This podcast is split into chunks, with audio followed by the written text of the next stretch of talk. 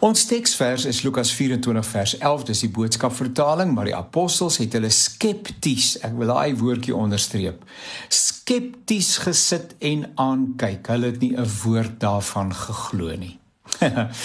Ons geagte staatspresident het gedurende die afgelope dae sy kabinet, sy nuwe kabinet, nê, eintlik 'n kabinetskommeling of 'n hergroepering, nê, uh, stoele wat 'n bietjie rondgeskuif is, het hy nou aangekondig. En dis nou 'n baie moeilike taak nie want as 'n mens dink aan hoeveel partye hy vooraf moes konsulteer en waarskynlik ook moet tevrede hou, dan is dit nou nie 'n maklike taak uh, wat hy het nie.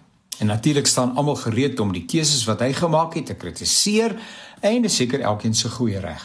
Want 'n mens in so 'n posisie, soos byvoorbeeld die staatspresident van 'n land, moet bereid wees om baie houe te vat So byvoorbeeld mag die man mos nou nie siek wees nie, nê? En as hy verkoue het, wat soek hy op die by die veiling op sy plaas Palapala? die meeste van ons vind dit moeilik om voor ander mense hardop te bid. Die gedagte dat jy dalk jou getuienis vir die gemeente sal moet lewer, laat mense met vrees en benoudheid. Wat nog te sê om jouself te verantwoord voor 66 miljoen kritiese mense wat gereed staan om foute te vind.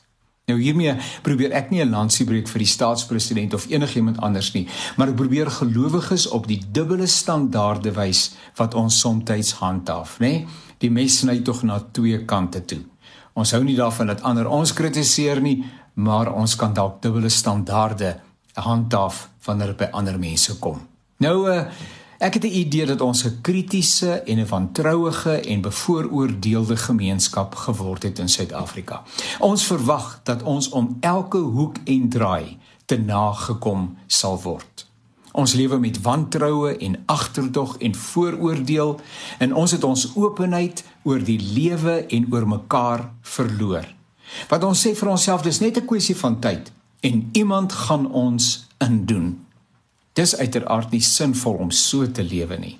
Suid-Afrika korrup en onbetroubaar met politieke leiers wat nie uh die belange van ander mense in ag neem nie en die vele onvervulde beloftes dreig om ons van ons vrede te beroof. Maar die Here moet ons help dat ons die lewe weer met openheid en goeie gedagtes benader dat ons weer die mooi in die lewe sal raak sien. Want as bepaald omstandighede wat dreig om die lewe te onsuur, maar daar is so baie om oor opgewonde te raak. Kom ons stel onsself daarop in om die baie verrassings wat vir ons weggelê is, nie mis te loop omdat ons soos die apostels sinies geword het en nie 'n woord van enige iemand meer glo nie.